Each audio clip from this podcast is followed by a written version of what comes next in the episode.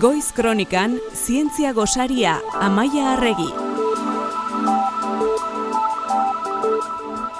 Jaiotzak eriotza duela zor, ala dio esaerak, ala da gizakion edo animalion kasuan, baina badira izan zelula hilezkorrak ere. Horien inguruan hariko zaigu gaur Amaia Arregi, DIPC, Donostia International Physics Centerreko zientzialaria eta komunikazio teknikaria. Kaixo Amaia?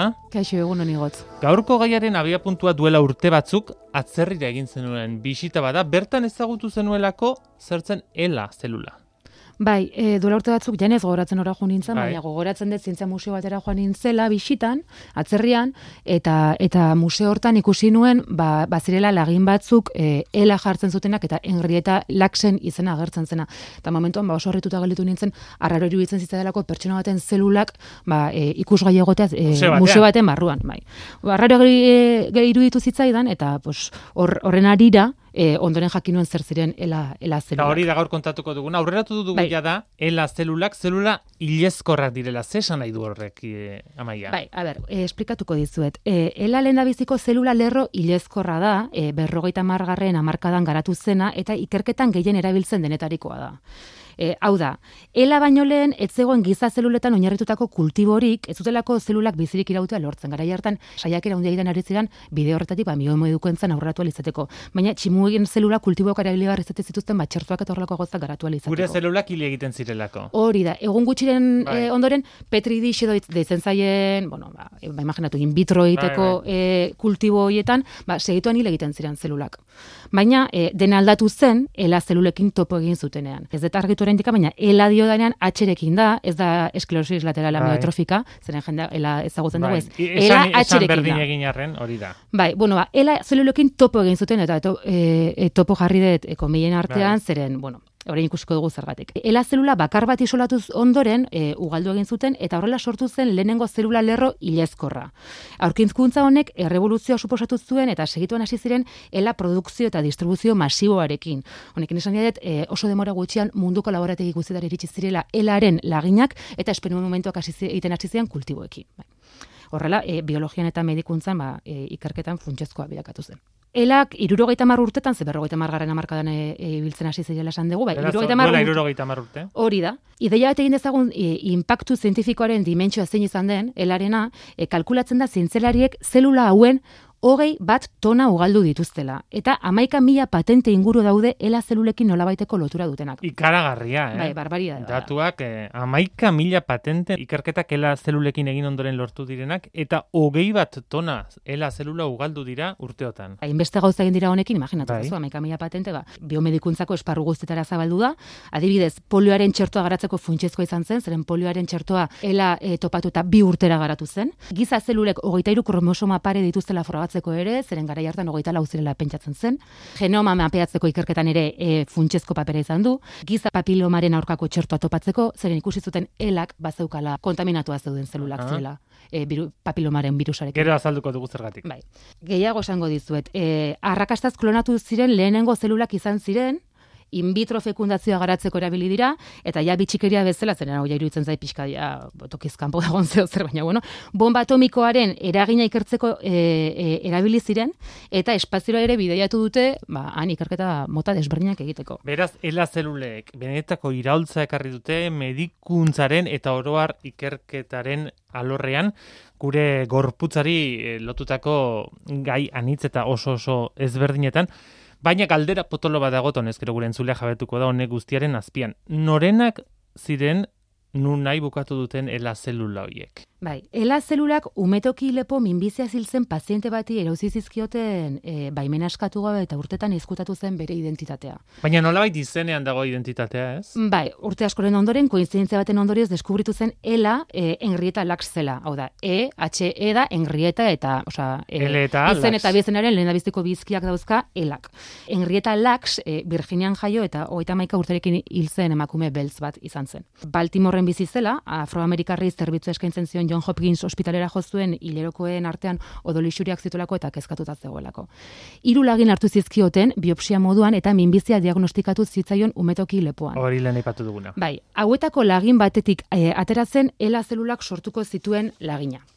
Berrogeita amargarren amarkaden hasiera zari gara, ez? Hau gertatu zenean. Bai, bai, orduan imaginatu dezakezuen bezala, bueno, ba, minbizia tratatzeko tratamentua jaso zituen, baina oso bortitzak ziren, oso gaizki pasatu zuen, gainera ba, minbiziak zabaltzen e, jarraitu zuen, zeren baina bere zulurek ugaltzeko izugarrizko gaitasuna zeukaten, ba, imaginatu bukatu zuen, gorpuz guztian tumoreak edukitzen, eta e, mila beratzen da berrogeita maikan hil zen, e, boseme alaba e, utzita. Enrieta, laksi hartu zizkioten beraz, jada aipatu dugun, eta inbesteko iraultza ekarri zuten, ela zeluloiek.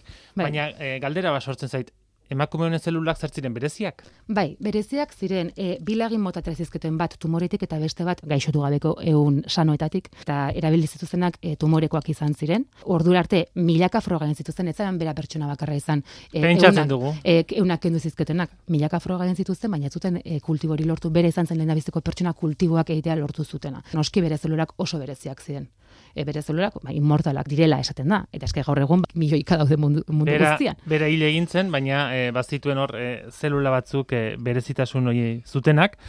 Bai. Baina esan dugu, izkutuen egin zela guztia, eta bai. izkutua mantendu zela urteetan. Gainera handik urte batzuetara seniden gana jo behar izan zuten berriro, ezta? Bai, bai, bueno, senidak imaginatuko ez bezala, inopian bizi ziren, bai, ez egiten guzti honi buruz. Hiltzen emakume bai. hau eta altzuten bai. moduan aurrera egingo zuten. Bai, bai, bai, bai, e, arazo eta... eta... Miseri askorekin? Hori da. Urteak pasa ala, ela zelulen erabilera handitzen handitzen joan zen, esan dugun bezala, baina familiaren bizkarrera.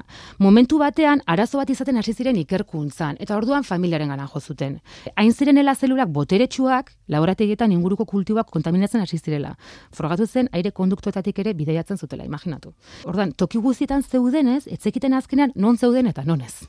Hene. Eta orduan esan zuten, ba, nola identifikatuko dugu, ze, nun dagoenela eta nonez. Ba, joango gora familiaren gana, eta beraien biomarkagailuak erabiliko ditugu ela identifikatzeko. Orduan, e, familiaren gana joan ziren. Egia esan zezakete, baina ez zuten egin. Ez, ez, eta orduan, ba, e, gezurrak esan zizkieten, eta esan ziten, bueno, ba, e, odol e, lagin batzuk atera nahi zizkietela, ba, ikusteko ea amak garatu zuen kantzerra edukitzeko aukerak zituzten. Eta, beraiek. Bueno, bai, eta orduan, ba, beraiek, borondate honez, beraien o, e, odol laginak eman zituzten, baina gero erabili zuten izan zen, elaren biomarkagailuak detektatzeko. Eta irurogeiko amarkadan ja, orduan bai, e, koinzientzia baten ondorioz, familiak jakin zuen, elaren atzan zegoela beraien amaren e, zelulak zirela. Eta orain egia hori nolabait gehiago zabaltzen ari da, ezta? Mm, bai, bai. E, duela urte batzuk, e, Rebeka Esklot e, zientzia komunikazioan espezializatutako idazlea familiarekin harremanetan jarri zen, e, jakin min handia zeukan gazetatik elaren inguruan, zeren bere eta gaix, oso gaixo gontzan, eta bueno, mm. horren bitartez, eta ikerketa lan luze bat egin zuen, Henrietta Lacks zein izan zen ezagutarazi eta ela zelulen inguruan tapatutako historiaren zatia zaleratzeko. The Immortal Life of Henrietta Lacks e, liburua 2000 marren argitaratu zuen, eta izugarrizko arrakasta izan zuen. Euskaraz izango litzateke Henrietta Laxen bizitza ilazkorra edo inmortal. E, New York Timesen bestselling books zerrendan egon zen bost urtez, osea, izugarrizko arraska. Uh -huh. buma izan zen, eta uh -huh. bat baten estatu oso ezaguna e, bilakatu zen Henrietta Lax. The Immortal Life of Henrietta Lax. Bai, Eta bueno, hortik abiatuz... Eh, Estatu batuetan gaudenez, urte batzuen ondoren, pelikula ere egin dute. Bai, pelikula ere egin dute, eta pelikula horren atzean, e, Ofra Winfrey, ba, estatu batuetan e, oso famatu den presentadore, eta uste, afroamerikar e, kolektiboaren artean, ba, bera, bera dela, boteretsuena, eta aberatxena bai. uste.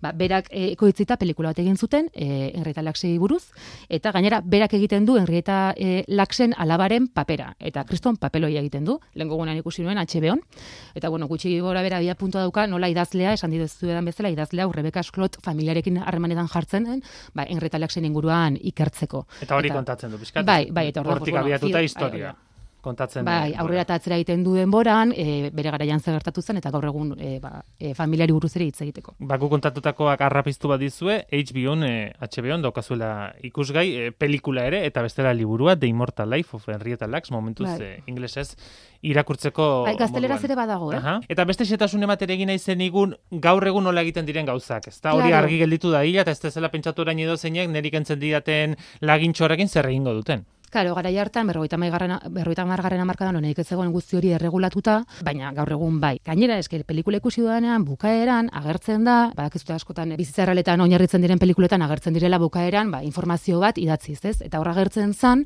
ba, gaur egun ere, lagin biologikoen erabilararen inguruan, baduela utxuneak estatu batuetan. Eta nire horrek, ba, zalantza sortu ziren, hemen zer gertatzen den. Osea, esanet, niri biopsia bat egiten baldin badiate, e, biopsia horri egin ondoren, eta emaitzez gain, emateizkaten emaitzen gain, zer egiten duten nire material e, biologikoarekin.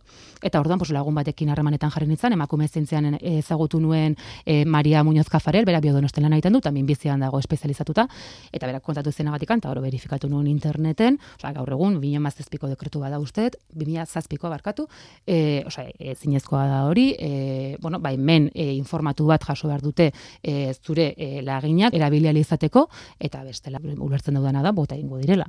Orduan, hori oso oso ondo irregulatu dago Europa mailan. Ikerketarako erabilina bai. balin badira, gu jakin behar dugula ala erabiliko direla eta, eta bai, bai, bai, hori da, hori da, esan egin behar dezu, e, e, baimen eman behar dezu, eta gero e, desidentifikatu egiten dira lagin horiek, inork jakinez dezan, norenak diren. Osa, Mariak esan zean adibidez, berak elarekin lan egin du, askotan, baina adibidez beste lagin beste e, zelula iezko lerro batzuek lan egiten dutenean, jakiten dute makarra dela emakume kaukasiarra, hogeita mazazpi urte, osa, ematen dizketela, ba, ba, ba, bere fenotipoaren e, ezaugarri konkretu batzuk. Ba, maia gaur, hori guztia saldu digu, eta media gozari hartzen, jakin dugu nortzen enrietalak, sorain dela mar minutu ez genikin, eta hori ere ikasi du gaur. Datorren astean gehiagoa maia eskarek asko. Zuri gotz, mila esker.